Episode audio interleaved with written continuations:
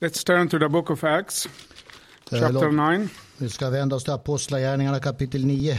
We'll continue our uh, study in the life of uh, the Apostle Paul, in his beginning at least. och fortsätta att studera aposteln Paulus liv och tjänst. Uh, at least the beginning of his uh, ministry.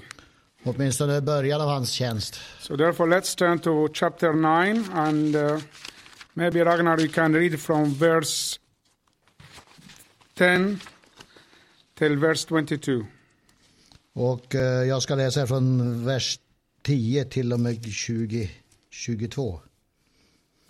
Men i Damaskus fanns en lärjunge vid namn Ananias. Till honom sade Herren i, sin, i en syn, Ananias. Han svarade, här är jag, Herre. Och Herren sade till honom, stå upp och gå till den gata som kallas Raka gatan och fråga i Judas hus efter en man vid namn Saulus från Tarsus. Du se, han beder. Mm, och i en syn har han sett hur en man vid namn Ananias kom in och lade händerna på honom för att han skulle få sy- sin syn igen. Då svarade Ananias, Herre, jag har av många hört hur mycket ont den mannen har gjort dina heliga i Jerusalem. Och han har här nu med sig en fullmakt från översteprästen att fängsla alla dem som åkallar ditt namn. Men Herren sade till honom, gå stad, ty denne man är med ett utvalt redskap till att bära fram mitt namn inför hedningar och konungar och inför Israels barn. Och jag skall visa honom hur mycket han måste lida för mitt namns skull. Då gick Ananias och stad och kom in i huset och lade sina händer på honom och sade Saul min broder, Herren har sänt mig. Jesus som visade sig för mig på vägen där du färdades. Han har, sänd, han har sänt mig för att du ska få din syn igen och bliva uppfylld av helig ande. Då var det strax som om fjäll föll från hans ögon och han fick sin syn igen. Och han stod upp och lät döpa sig. Sedan tog han sig mat och blev därav stärkt. Därefter var han i någon tid tillsammans med lärjungarna i Damaskus. Och strax begynte han i synagogen att predika om Jesus att han var Guds son. Och alla som hörde honom blev uppfyllda av häpnad och sade, var det icke denne som i Jerusalem förgjorde dem som åkallade det namnet? Och hade han icke kommit hit för att han skulle föra sådana människor bundna till översteprästerna? Men Saulus uppträdde med allt större kraft och gjorde de judar som bodde i Damaskus svarslösa i det han bevisade att Jesus var Messias. Thank you. Well, last time we looked at the miraculous conversion uh, of uh, the Apostle Paul, Ja, förra gången tittade, tittade vi på Paulus eh, fantastiska omvändelse. Now we meet him once again while he is still in darkness. Nu möter vi honom igen medan han fortfarande är i mörker. He still cannot see with his own eyes, Han kan inte se med sina ögon. and he is alone in uh, the house of one of the disciples in the city of Damascus. Och han är ensam i en av lärjungarnas hus där i Damaskus. Now uh, Luke introduces uh, to us uh, another uh, disciple of the Lord Jesus by the name Ananias. Eh, Lukas presenterar, presenterar för oss en annan lärjunge, nämligen som heter Ananias. And he is the person that God going to use in order to restore the sight to the uh, to Paul, to Saul. Och han är den som Gud använder för att han ska eh, leda Saulus vidare på vägen. And as we understand here, uh, Ananias was a Jewish believer Och Från vi- Damaskus. Som vi förstår så var Ananias en judisk troende från Damaskus. In Acts chapter 22, verse 12, it says about him that he was a devoted Jew and highly respected by all the Jews who lived in Damascus. Och I Apostlagärningarna 22 står att han var en from jude som var respekterad av alla, inte minst bland lärjungarna i Damaskus. So he was a man that uh, it seems have walked long way with the Lord. Så han tycks vara en man som har vandrat länge med Herren. So this Ananias receives a vision from the Lord Så här får alltså Ananias en syn från Herren. to go to a house of a man called Judas Att gå till en mans hus som heter Judas, who lived in a street called Straight in the city of Damascus. ja, som bodde alltså vid Raka gatan i Damaskus. By the way, Damascus is, I think, is the oldest city that exists in the world today. Och efter vad jag vet så är Damaskus eh, den äldsta staden i världen som vi It, kände it idag. goes even back before Abraham. Den är till och med, det var, fanns till till och med före Abraham. And you remember the servant of Abraham, I- Abraham was called Eliezer of Damascus. Och ni kommer ihåg att Abraham hade en tjänare som hette eh, Eliezer som var från Damaskus. So it is very old city. Så det är en väldigt gammal stad. And this street, which is called uh, the Strait, Och den här gatan som kallas för Raka gatan. part of it is still seen in the today's uh, city of Damascus. Den kan man se fortfarande en del av i det som nu är Damaskus. And uh, incidentally, they kept even the same name, uh, the equivalent name in Arabic, Och de har till och med behållit, på arabiska har fortfarande har gatan fått behålla sitt namn. Dar el Mustaqim, which uh, means the, s- uh, the way of the st- straight path. Alltså det arabiska ordet det betyder Raka gatan. So Ananias, when he received that vision from the Lord Så när Ananias fick den här synen från Herren, to go to the house of Jesus and meet Saul, att gå, fara till Judas hus och träffa Saul, eller Saulus. the Lord is telling him that Saul, you go there and you will meet him. He is praying. Så sa han, gå dit och möt Saulus, så du ser han beder. It is like a sign that he is giving him. Go, he is praying. Uh, Behold, he is praying. Det är precis som ett tecken för han, gå dit och se han, han, be- han är i bön där just nu. Now, this is very significant, Det här är väldigt typiskt. but I'm not going to talk about it now. I'll leave it till later. Men det ska jag inte tala om nu utan det ska We'll fortsätta just senare. uh, look more into the text and then we come to the application. Vi ska se lite mer i texten sen kommer vi till tillämpningen på det sen. We see that Ananias is a little hesitant to go. Vi ser att Ananias tvekar lite att ge sig iväg. He has heard uh, reports about this Saul, Han har hört eh, rykten om den här Saulus. and he knew that he was coming to Damascus with evil intentions.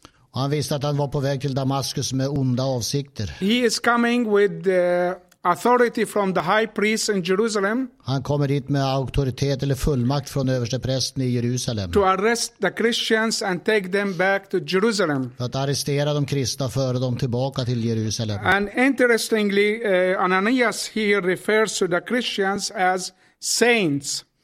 Och typiskt att Ananias här han hänför till de kristna som de heliga. And this is the first time that Luke is using this term to describe the Christians. Och det är första gången som Lukas använder den termen för att beskriva kristna. And the word saint, saints in uh, Hebrew, it means the uh, separated ones, Och ordet helig eller helgon på hebreiska det betyder alltså de som är avskilda. those whom God sets apart for his service. De som Gud sätter och sätter eh, avsides för, för hans tjänst. And by the definition of the New Testament, all Christians, in fact, are saints. Och i Nya Testamentets definition så är alla kristna heliga. They are Eller, not saints because of the goodness that is in themselves. De är inte heliga på grund av deras egen godhet. They are not saints because of miracles they do. Och de är inte heliga för de underverk de gör. They are saints because they were chosen by God and separated for his service. De är helgon för att de är avskilda för, Gu- för, av Gud för hans tjänst. And Paul too often refers to the Christians as saints, Och Paulus han hänvisar ofta till de, de kristna som de heliga. even when they were unsaintly in their behavior, like the church in Corinthians. Även om de bar sig oheligt åt som de gjorde i Korintierförsamlingen He still called them saints. så kallar han dem fortfarande för heliga eller helgon. So uh, Ananias complained to the Lord about this man's soul and tells him, That's what I heard about him. Ananias han klagar inför Gud över Saulus så det är det jag har hört om honom. But uh, God understands the fear of Ananias. Men Gud han förstår Ananias fruktan And, and in order to calm his heart, och för att lugna ner hans hjärta he reveals to him that he has chosen Saul to be a vessel in his hand. så förklarar han att han har alltså utvalt Saulus till att vara ett kä- ett käril i hans hand. As he says in verses 15, 16, that he was, he chose him as an instrument to take his message to the world. Som det står i vers 15 att han var ett utvalt redskap för att han skulle bära fram Herrens namn för hedningar. och- To och- Gentiles, to the uh, Jews, and to the kings. För hedningar och, eh, hedningar och eh, konungar. And he reveals to him that Saul is going to suffer even for the sake of the Lord. Han talar också om att Pa- Saulus ska lida för Herrens sak. So, with this new understanding that Ananias receives from the Lord, Så eh, det förstår man vad Ananias har fått från Herren. He goes to the house of Judas Also to not on- seek Paul. När Ananias har fått det klart för sig, så att säga, då far han till Judas hus att söka upp Paulus. Now we can read a little more details about what he said and what happened there in chapter 22 of Acts. Vi kan läsa lite mer detaljer vad som händer i kapitel 22 i Apostlagärningarna. So if we turn to Acts chapter 22 and read from verse 12 till 16, Så om vi vänder oss till Apostlagärningarna 22 och läser från vers 12 till 16. if you can read it, Då please. ska, eller läser jag här. Där fanns en efter lagen from man, Ananias, vilken hade ett gott vittnesbörd om sig av alla judar som bodde där. Denne kom nu och trädde fram till mig och sade, Saul min broder, hav din syn igen.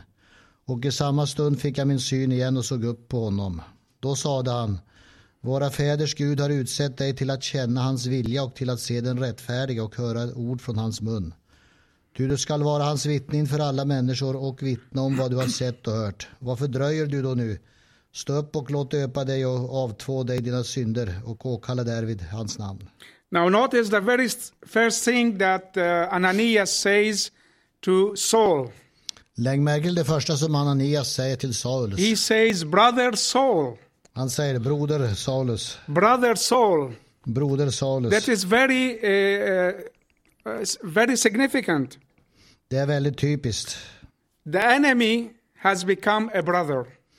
Alltså Saul, min broder står det. Eh, Fienden hade blivit broder. He is no longer an enemy, Han är inte längre fiende, but he is a brother. utan han är broder. Brother Saul. Broder Saul. What a transformation of life. Vilken livsförvandling. And it is only can be done through the blood of our Lord Jesus Christ. Det kan bara ske genom vår Herres Jesu And it Kristi is blod. his blood that makes us all brothers and sisters. Och det är hans blod som gör oss alla till bröder och systrar. So he is no longer enemy despite all the sins, all the crimes that he did. Så han är inte längre fiende trots alla hemska saker och alla brott som han gjorde. He was forgiven by the blood of Jesus. Han hade blivit fått förlåtelse genom Jesu And the blod. blood of Jesus covered all his past sins. Och Jesu blod är täckt över alla hans gamla synder. Now he is a new person. He is a brother. Nu är han en ny person, han är en broder. So, brother Saul, receive your sight, he says to him. Saul, bro, Saul min broder, hav din syn, sa han. And immediately, uh, we read also, immediately there fell from his eyes something like scales, and he received his sight at once in chapter 9. Och så står det att det var som fä- fjäll som föll från hans ögon och han fick sin syn tillbaka på en gång. It's uh, also another significant thing to read that something like scale fell from his eyes. Det finns också något väldigt viktigt där det står om att han liksom fjäll föll från hans And it ögon. is very symbolic to the Jewish people. Det är symboliskt för judarna. There is uh, Paul himself later on says there is something that covers their eyes. Paulus säger det, ser att, att det är som någonting som liksom täcker för deras ögon. There is a veil that covers their eyes that they cannot see the, what the Old Testament says about Det är Jesus. alltså en slöja eller täckelse som ligger över deras ögon som de kan inte se vad som ser Jesus där i gamla And testamentet. it's only when this veil is fallen apart that they are able to see that there- Jesus is the one that Och is när, the Old när, Testament och, och speaking när den about. slöjan faller bort så de får se att Jesus som frälsare som det för deras folk. And then he gives him the message that God has chosen him to uh, be a, a, a tool in his hand to the, all the world. Och sen eh, talar han om för, de här, för honom här att han ska bli ett redskap för judar och hedningar och för Israel. And then he tell him, get up now and be baptized Och han säger också åt dem, stå nu upp och låt döpa dig. in the name of the Lord. He means the Lord Jesus. Eh, Alltså i Herrens namn, det är alltså i Herrens Jesu namn. And this was the norm always in the early church. Och det var alltid normen i första församlingen. A, bel a, a person believes first Först kommer man till tro, and then he is baptized. sen blir man döpt. There was no case of people who believed and were not baptized. Det fanns ingen fall där de trodde och inte blev döpt. The only exceptions in the uh, exception in the New Testament about a person that believed and was not baptized Det enda är undantag i det nya testamentet, alltså en som blev, f- tro- kom till tro men inte blev döpt. is the thief on the cross. Det var rövaren på korset. But all over the New Testament, believe people believed and were baptized. Men över hela nya testamentet så var det så att man kom till tro och, blev, och lät döpa sig. And therefore, uh, it's too often uh, in- they looked at it in the early church as a person is not completely saved if he is not baptized. Och i den första församlingen där var man inte helt och fullt frälst om inte man var döpt. Therefore, it was important to obey the Lord in the uh, ordinance of uh, baptism. Så det var väldigt noga att följa Herrens ord när det gäller dopet. And that also Paul himself understood, Och det förstod också Paulus själv. because also in the uh, Jewish culture, I den judiska kulturen, when a person changes a way of life, när en person ändrar when livsväg, he repents, när han ångrar sig och gör bättring, then he omvänder has sig, to go to be baptized. då måste han låta döpa sig. And that's where we see the baptism of John the Baptist. Där ser vi alltså Johannes döparens dop. He called people to repentance. Han kallade folk till And omvändelse och those who bättring. accepted his calling and repented, Och de som accepterade hans kallelse till they omvändelse had to show that by going through the water of baptism. måste bevisa det genom att gå genom dopets vatten. So it was uh, uh, taken for granted for every Jew who believed in the Lord Jesus that he had to be baptized. Så det var alltså självklart för varje jude som, lät, eh, kom- som kom till tro att han måste låta döpa sig. And that was also the command of our Lord that we teach people and baptize them. Och det var eh, vår Herres Jesu befallning, alltså gå ut och lära alla evangelier, lära människor evangelier och döpa dem. So it is not enough to say, I believe in Jesus, but I don't feel I want to be baptized. Så det är inte rätt att säga att jag, jag tror på Jesus men man känner ingenting för att bli döpt. Because then something is wrong. Då är det någonting som är fel. So uh, after he was uh, baptized, Så efter att han- att han hade låtit döpa sig. uh, and though we- Paul, uh, I mean, Luke doesn't mention it immediately, Lukas nämner inte det här på en gång. but we also believe that Paul received the Holy Spirit Men vi tror också att Paulus eh, tog emot den helige ande. after uh, Ananias came, prayed for him, and put his hands on him. Sedan Ananias hade kommit till honom och lagt händerna på honom och bedde för honom. And that was also why, uh, in the first place, Ananias went there so that he can receive his sight and receive the Holy Spirit, as we read in Ah. verse 17 of chapter 9. Han- Ananias kom ju dit först och bad för honom så han fick tillbaka sin syn. Och så vidare. där. So now Paul is a new person, Så nu är alltså Paulus en ny person. a born again believer, Pånyttfödd troende. baptized, Döpt. and full with enthusiasm to serve the Lord. Och full av entusiasm att få tjäna Herren. And he has already all the knowledge he needed.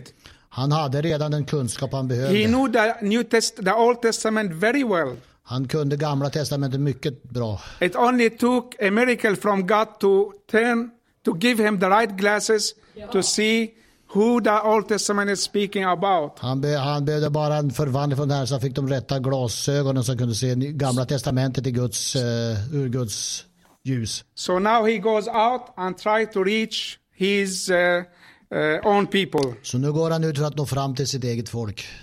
And after spending few days with the disciples of the Lord Jesus in Damascus, Och efter att ha varit några dagar med lärjungarna då i Damaskus we read that he begins uh, to preach in the synagogues that Jesus is the Son of God. så började han predika i synagogen att Jesus var Guds son. And this is another miracle in the life of uh, Saul. Och det här är ett an, a- andra underverk i, i Saulus liv. He persecuted the Christians because they believed that Jesus was the Son of God. Han förföljde de troende för att de trodde på att Jesus var Guds son. He was witnessing the uh, the stoning of uh, Stephen because he declared that Jesus is the Son of God. Han var med och såg på när Stefanus blev se- stenad bara för att han också trodde på att Jesus var Guds son. And now he himself is declaring that Jesus is the Son of Och God. nu står han där själv och f- deklarerar att Jesus var Guds son. He is not afraid of the Jews Han är inte rädd för judarna. and he is not ashamed of the gospel of Christ. Han, är, inte- han blygs inte för evangelium om Jesus As Alltså, he Kristus. declares later on, he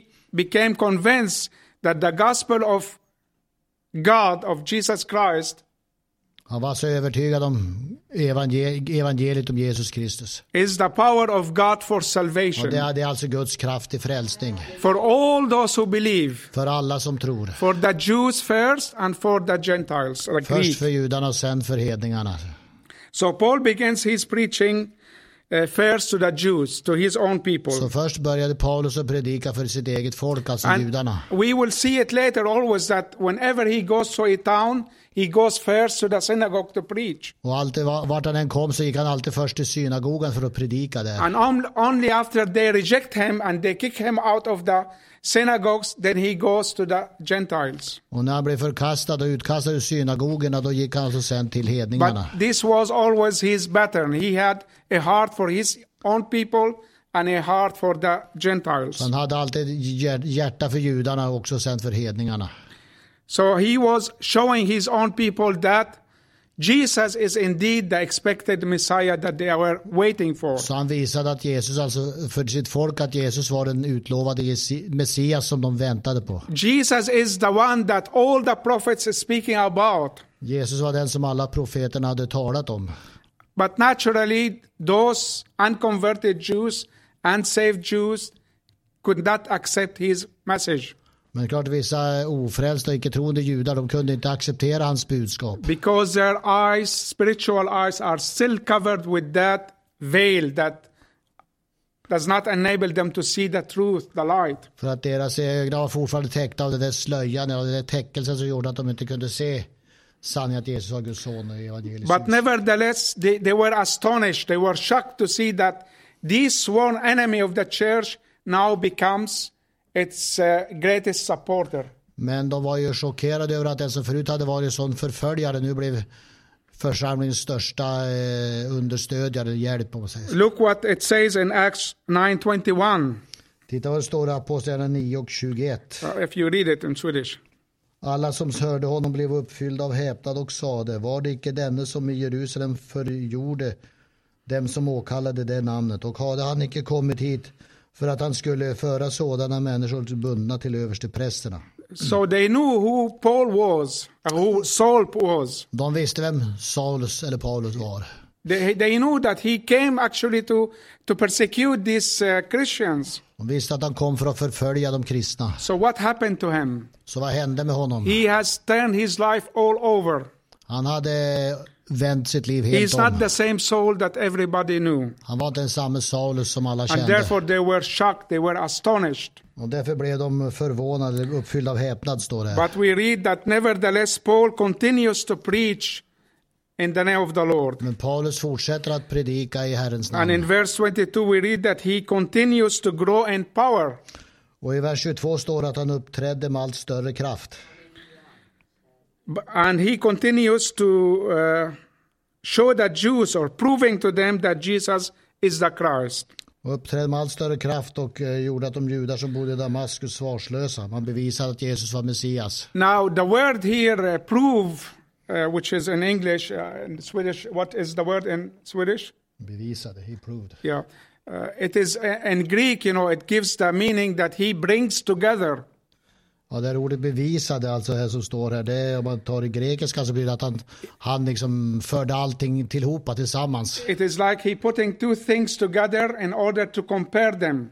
Att sätta två saker tillsammans för att jämföra dem. Liksom. So what he was doing, he was taking the Old Testament prophecies, Så han tog alltså alla gamla testamentets profetior, put it in one side, la dem på en sida. and he takes the Lord Jesus and put it in one side, Och sen tog han Herren Jesus och lämnade and honom he på den andra starts to sidan. compare Och så började han jämföra. and to show to the Jews that all what you see here is fulfilled in this man, the Lord Och så Jesus. visade han, han judarna att allt som står här det har fullbordats i denne mannen Jesus. And th- in this way, he is- was proving to them that Jesus is the fulfillment of all what the prophets spoke about. Och bevisade där alltså att eh, Jesus han var fullbordandet av allt som profeti- profeterna hade talat om. He is the uh, the the Messiah that all Jews expecting.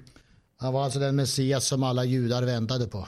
And as I said, he had very thorough knowledge of the Old Testament. Och han hade alltså väldigt grundlig kunskap i Gamla Testamentet. Not only of the Old Testament, he had a, a wide knowledge of the Greek culture and the uh, tradition of the Jews. Och han hade stor kunskap när det gäller grekisk kultur och när det gäller judarnas traditioner. He was very well educated man, as we have said last time. Och som vi sa förra gången så var han en mycket välutbildad man. And now God The Holy Spirit is using this knowledge, this education that he had, Och nu använder den heliga ande den kunskap som han hade in order to point people to Christ. för att visa människor på Kristus. So God is using him as a tool in his hand to reach out to people and to open their eyes to know the Lord. Så Gud använde honom som ett redskap, alltså för att människorna skulle få upp ögonen för vem, vem Jesus var. And he did it in a very great way. Och det gjorde han på ett storslaget sätt. And I don't think uh, any other apostle could have done it the way he did it. Jag tror ingen annan apostel kunde ha gjort det och klarat det på samma sätt som han klarade det. And it is only because the Lord took that veil from his eyes. Helt enkelt därför att Herren tog de där fjällen eller slöjan, täckelsen från ögonen. There were many Jews in his times that maybe they were educated as him or even much more than him. Det fanns många judar på den tiden som var utbildade, som han kanske till och med mer utbildade, va- utbildade vad han var. But he believed in the Lord, and the Lord revealed that truth, that light that he needed to understand the Old Testament. Men Herren tog hand om honom och eh, uppenbar för honom just alla detta, dessa eh, profetier i Gamla Testamentet. Som, And he became a new man. och så blev han en ny människa. Everything he did, everything he said was an evidence that he was a new man. Och allt han sa, allt han gjorde var bevis på att han var en ny man eller människa. Even uh, the people who knew him before were astonished. Och de som kände honom sen förut, de blev fyllda med häpnad. And that is always the case when God converts people, truly converts them. Och det är alltid fallet där Herren verkligen får omvända människor på There, ett riktigt there sätt. will be always marks that shows that he is a different man. Så finns det alltid tecken som visar att det här är en annan man, en ny man. And there is an evidence that would tell that he is not the same as he wa- used to be before. Och då blir det alltid bevis på att han är inte densamme längre som han var förut. And in our text, we see many of these marks in the life of uh, Saul. Och i våran text så ser vi flera olika kännetecken som tyder på det i Saulus liv. That he indeed became a truly converted person. Att han blev verkligen en sant omvänd människa. But one of them that is, I see it the, as the most significant. Men en av de mest kännetecknande sakerna här som It is the evidence that God uses in order to show Ananias that Paul is a new man. Ett bevis på det var att Paulus visade Ananias att eh, Herre visade Ananias att Saulus då skulle bli en ny människa. Let us read uh, chapter 9, verse 11 once again. Låt oss läsa eh, kapitel 9, vers 11 en gång till. If you read it in Swedish, please. Och Herren sade till honom, stå upp och gå till den gata som kallas Raka gatan och fråga i Judas hus efter en man vid namn Saulus från Tarsus. Du ser, han beder. You, you- do you see what he, the Lord is saying to him? Ser ni vad Herren säger till honom? He says, Behold, he is praying. Du ser, han beder. This is the evidence that I have for you that he is a new person. Det är ett bevis att han är en ny människa, en ny person. He doesn't say to him, Behold, he is preaching. Han säger inte, se, han står och predikar. He doesn't say to him, Behold, he is singing hymns. Men han, står, han säger inte att han står och sjunger psalmer. Not even, he doesn't say be- to him, Behold, he is reading the scriptures. Han säger inte ens, ty se han läser skriften. No, he says, Behold, he is reading, he is praying. Utan han säger, ty se han beder.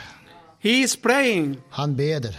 But what is strange about him praying? Men vad är för märkligt med det då? I mean, Paul was always a religious man, Paulus var ju alltid en he religiös wa- was människa. always a Pharisee. Han var alltid farisé. And as a Pharisee, he always prayed. Och som farisé så bad han alltid. And there were set times for the Jews, you know, religious Jews to pray every day, five times or more. Och religiösa judar de skulle bedja eh, fem gånger om dagen om inte mer. And maybe he went at least twice a day to the temple to pray. Och kanske han gick två gånger om dagen till templet för att bedja. So he always prayed. So what is strange about him now that he is praying? Så vad är det för märkligt med att han, att han beder nu då? But God saw something different. Men Gud såg någonting annat. He says to Ananias, Behold, he is praying. Han sa Anani- Anani- Ananias, se han beder. Behold, he is praying the way he never prayed before. Han eh, bad nämligen på ett sätt som han aldrig hade bett förut. He has never prayed to God the way he is praying now. Han hade aldrig bett till Gud på det sättet som han bad till Gud nu. Before he was praying like those Pharisees that Jesus often speaks about in the Gospels, Förut bad han som fariséerna brukade bedja som Jesus talar om i evangeliet. which with much self righteousness. Med mycket egen rättfärdighet. You remember the Pharisee that Jesus mentions went to the temple to pray. Du kanske kommer ihåg den där farisén som Jesus talade om som gick upp till templet för att bedja. He says, Thank you, God, that I am not like the others. Och sa tack Gud att jag inte är som de andra. I fast and I pray and I give uh, alms to the poor and I do many good things. Jag fastar och ber och jag ger allmosor och jag eh, gör så mycket gott. So he was always self righteous, pointing to himself, to the deeds that he is doing. Han var alltså väldigt egenrättfärdig och pekade alltid på sig själv. Se hur bra jag är och vad mycket gott jag gör. And because I am so good, Lord, you have to answer my prayer. Och därför att jag är så god Gud så måste du ju svara på mina böner.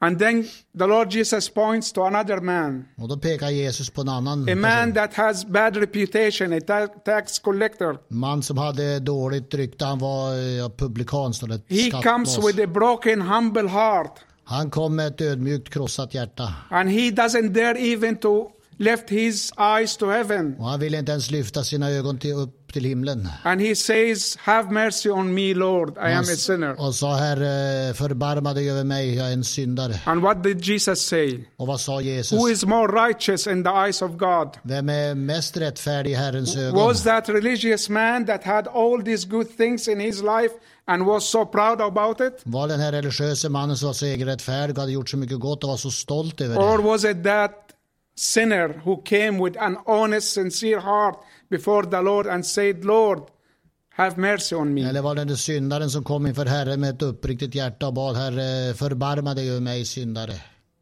And that's how it was also with Paul. Så var det också med Paulus. He was religious. Han var He religiös. went to the temple, he prayed, Han kom till templet, han bad. but it was all self Men righteousness. det var egen rättfärdighet bara. He didn't feel that he was praying because maybe he wanted to pray.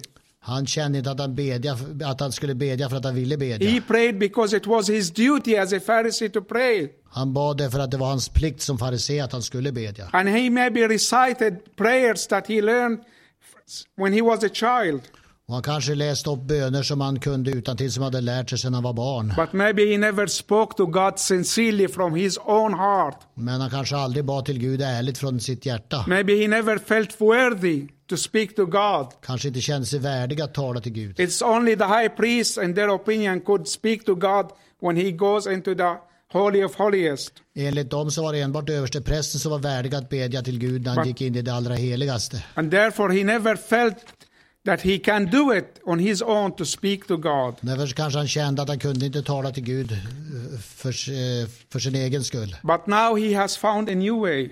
Men nu har han funnit en- ett nytt sätt. He doesn't need a sacrifice in order to pray, Han behövde inte ett offer för att han skulle bedja. as he used to do when he needed to pray in the temple. Som han eh, brukade ha när han bad i templet. He needed, ne- didn't need to give alms or money for the Han temple. behövde inte ge allmosor eller pengar till templet. He needed, didn't need to do anything to show his goodness. Han behövde inte göra någonting för att visa sin godhet. He knew that he has nothing good in himself to bring before the Lord. Han visste att han hade ingenting gott att komma med inför Herren. And he realized for the first time that he was empty. Och han förstod för första gången att han var tom. And he could not offer anything for the Lord. Han kunde inte erbjuda Herren eller offra någonting åt Herren. But in the other hands, he realized something very important. Men eh, samtidigt så insåg han någonting väldigt viktigt. There is a new way, a new access is open for him to come to the Lord. Han hade fått ett nytt tillträde, ett nytt ingång att komma till And Herren. it is not through the temple, Och det var inte genom templet. and it is not the blood of sacrifices, Och det var inte genom eh, off, off, offrets blod. and it is not through the priest or the high priest in the temple, Och det var inte genom prästen eller översteprästen i templet. but it is through one person and one person alone, Men det är genom en och endast en person. through the Lord Jesus Christ himself. Genom Herrens Jesus Kristus He själv. realized that Jesus is the way to God. Han insåg att Jesus var He vägen till Gud realized that Jesus is the truth. och att Jesus var sanningen And he realized that Jesus is the life. och att Jesus var livet. And he realized that no one could come to God except, except through him. Att ingen kunde komma till Gud utom genom honom. He realized that he doesn't need a, mediator anymore. Han behövde inte en medlare någon fler He gånger. doesn't need the high priest in the temple to mediate between him and God. Han behövde inte översteprästen längre som skulle medla mellan honom och He Gud. has a mediator that is much better. Han hade en medlare som var mycket He bättre. has the Lord Jesus Christ that stands between him Ah. Han hade, and herre, God han hade straight. Herrens Jesus som stod emellan honom och Gud. And therefore, in this way and on these conditions, he went to pray for the time for at that time. Och på dessa villkor så gick han ut för att bedja den gången. Maybe for the first time in his life, he went with a broken heart before the Lord. Kanske första gången som han kom med ett förkrossat hjärta inför Herren And he realized that he was a sinner, och insåg att han var en syndare that he doesn't deserve anything good, som inte förtjänar någonting bra. and that there is nothing good in his hand to give the Lord. Och att han hade inget gott att komma med inför Herren. All what he can do is to come through the grace of God, Enda han kunde göra var att komma dit genom Guds nåd trusting the blood of the Lord Jesus Christ alone, och lita på Herrens Jesu Kristi blod and trusting Him f- to do things uh, the way that He never did it before. och lita på att han skulle göra på ett sätt som han aldrig hade gjort det förut. He realized that you don't need all this religion in order to come to the Lord. Han hade insett att man behövde inte all denna religion för att komma till And it is Herren. not an incident that the Lord chose to meet him on the way to Damascus, not in Jerusalem, Och det är ingen tillfällighet att Herren mötte honom på Damaskusvägen och inte i so that Jerusalem. he will not le- leave any doubt in his mind that Jerusalem or the temple has anything to do with it. Så att det skulle ha något tvivel om att Jerusalem och templet hade ingenting med det där att göra. But he wants to teach him that you can meet the Lord wherever you are and whoever uh, you are. Utan han ville visa vad du kan möta Herren var du än är och vem du än är. And that's why Jesus revealed himself to him on the way to Jerusalem. Och bara på det sättet, som, därför som Jesus uppenbarade sig för honom på vägen And ifrån this Jerusalem. teaches us a lot, my friends. Och detta lär oss en hel del. We can be greatly religious people. Vi kan vara väldigt religiösa. We can know the scriptures and memorize it all over from page to page. Vi kan eh, vara kunniga i skriften och memorera den från sida till We can sida. come to church day after day or hour after hour. Vi kan komma till kyrkan eller församlingen dag efter dag, timme And efter timme. everybody can see us. Och var och en kan se oss. And maybe we can feel proud about ourselves that we do all what is expected of us. Och vi kanske är stolta över att vi gör allt sånt där som förväntas göras av oss. But it is God who knows our heart. Men Gud känner våra hjärtan. And you know, many hypocrites can do that, what we are doing. Många eh, skrymtare kan göra det som vi gör. Many hypocrite can come, hypocrites can come to church. Många skrymtare kan komma till Many kyrkan. hypocrites can read the Bible. Många skrymtare kan läsa Bibeln. Many hypocrites can stand and sing and do many great things so that people will see. Många skrymtare kan sjunga och vittna och göra stora saker som folk kan se. But a hypocrite can do not, cannot do one thing. Men en skrymtare kan inte göra en sak. He cannot go into his own room Han kan inte gå in i sitt eget rum to be alone, och vara ensam. to shut the door behind him, Och stänga dörren to bakom kneel sig. before the Lord and pray. Och böja knä inför Herren och bedja. It's only a man with a sincere heart that can do Det it. kan bara den göra som har ett uppriktigt hjärta. And that is the mark of a true converted person. Det är kännetecken på en sant omvänd It's människa. a person that kneels before the Lord while his door is closed. Nobody sees what he is doing. Människa som böjer knä inför Herren när dörren är stängd och ingen ser honom. God looks at your heart, not at what you do. Gud ser till ditt hjärta och inte i första hand till det du gör. He looks at your broken heart and he respects it. Han ser till ditt eh, brustna hjärta och You kan maybe don't know respektera how det. to pray, Du kanske inte vet hur du ska bedja. but God listens to the sighs that comes out of your heart. Men Gud han lyssnar till de suckar som kommer från He ditt can hjärta. see the tears that comes from your eyes. Vi kan se tårarna som kommer från And ögonen. he, it says that he keeps them in his bottles. Men Herren säger att han håller i sin eh, lägel. Står det. A tear that comes from a sincere heart are very precious in the eyes of the Lord. De tårar som kommer från ett uppriktigt hjärta är väldigt dyrbart i And Herrens they are ögon. much wor- more worth than the longest prayers of any hypocrite or self righteous man. Och de är mycket mer värda än eh, skrymtares långa böner och egenrättfärdigas långa böner. God looks at your heart, Men Gud ser till hjärtat. and God see you when you are alone with Him. Gud ser dig när du är ensam med honom. And that's what matters to God. Det är det som betyder något för And that's Gud. what mattered in the life of Paul. Och det som betyder något till Paul, Paulus uh, liv. God ignored all his past life. Gud brydde sig inte om hans förgångna liv all his past religion, eller hans förgångna religion. all the things that he did as a self righteous person. Allt som han gjorde som en egen rättfärdig person. Now he looks at him when he is alone, Nu ser han honom när han är ensam. and there he sees a man with a broken heart, Och där ser han en man med ett brustet hjärta. a man that is desiring to serve the Lord, En man som vill tjäna Herren. a man that is willing to give all his life to be used by Och en God. man som vill ge hela sitt liv för att det ska användas av Gud. And that's the man that God was able to use. Och det är den man som Gud kunde And använda. he was a great tool in the hand of the Han Lord. var ett stort redskap i Herrens hand. And that's something for us to learn. Och det är någonting för oss att lära oss. If you really want God to use you, Om du vill att Gud ska an- bruka dig, you have to be in that hidden place. då måste du vara på den där You have fördolda to start platsen. your day in that hidden Du place. måste börja dagen i den där eh, When I say to undanskymda start your platsen. day, it doesn't mean you have to wake up in the morning or whatever. It's just that you set apart a time to be with the Lord alone.